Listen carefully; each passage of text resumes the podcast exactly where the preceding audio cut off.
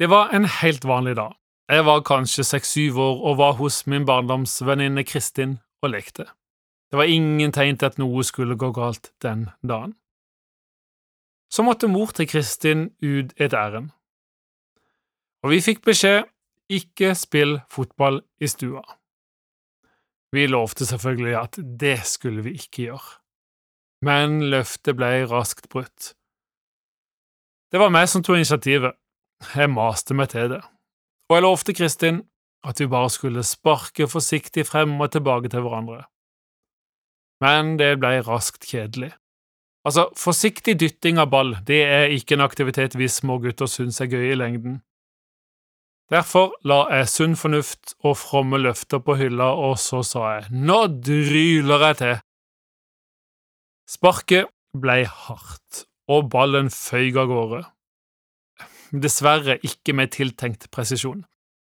I stedet for å lande i beina på Kristin, så tok ballen veien et godt stykke til høyre for henne.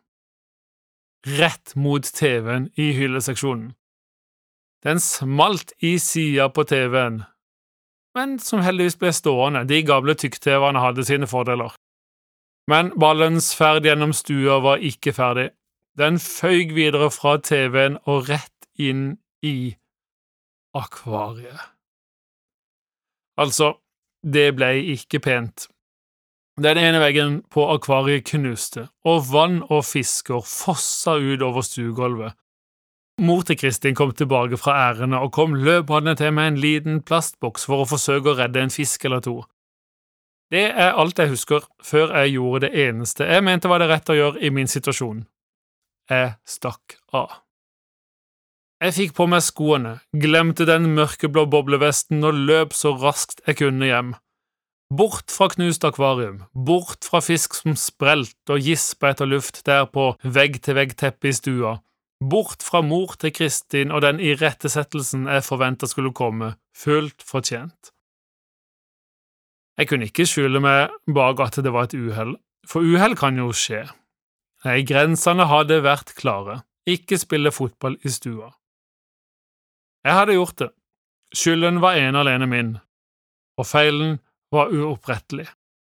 Akvariet var knust og kunne ikke repareres. I ettertid har historien blitt gjenstand for latter, både i min og Kristins familie, heldigvis, men der og da var det ramme alvor. Det er mange som har opplevd dette, i større eller mindre skala, med større eller mindre konsekvenser, men med de samme ingrediensene.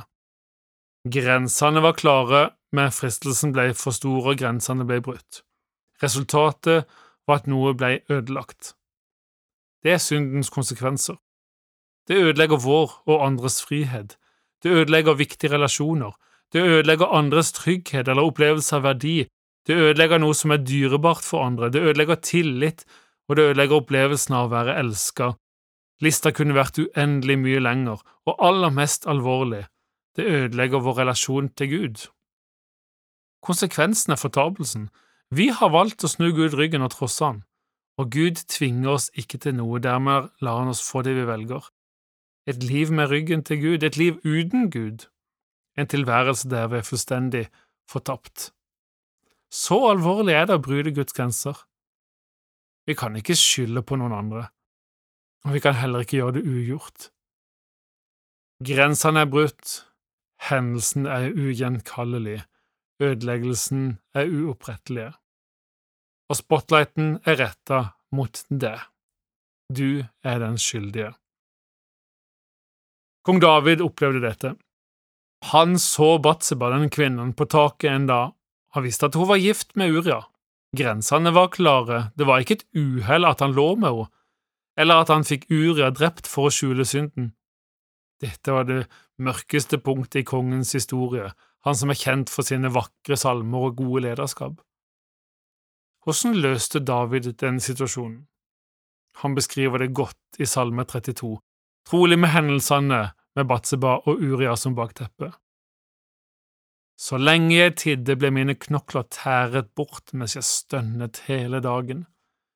Dag og natt lå din hånd tungt på meg, min livssaft svant som i sommerens hete. Men hva gjorde David, da? Da bekjente jeg min synd for deg og skjulte ikke min skyld. Jeg sa, Jeg vil bekjenne mine lovbrudd for Herren, og du tok bort min syndeskyld. Og du tok bort min syndeskyld.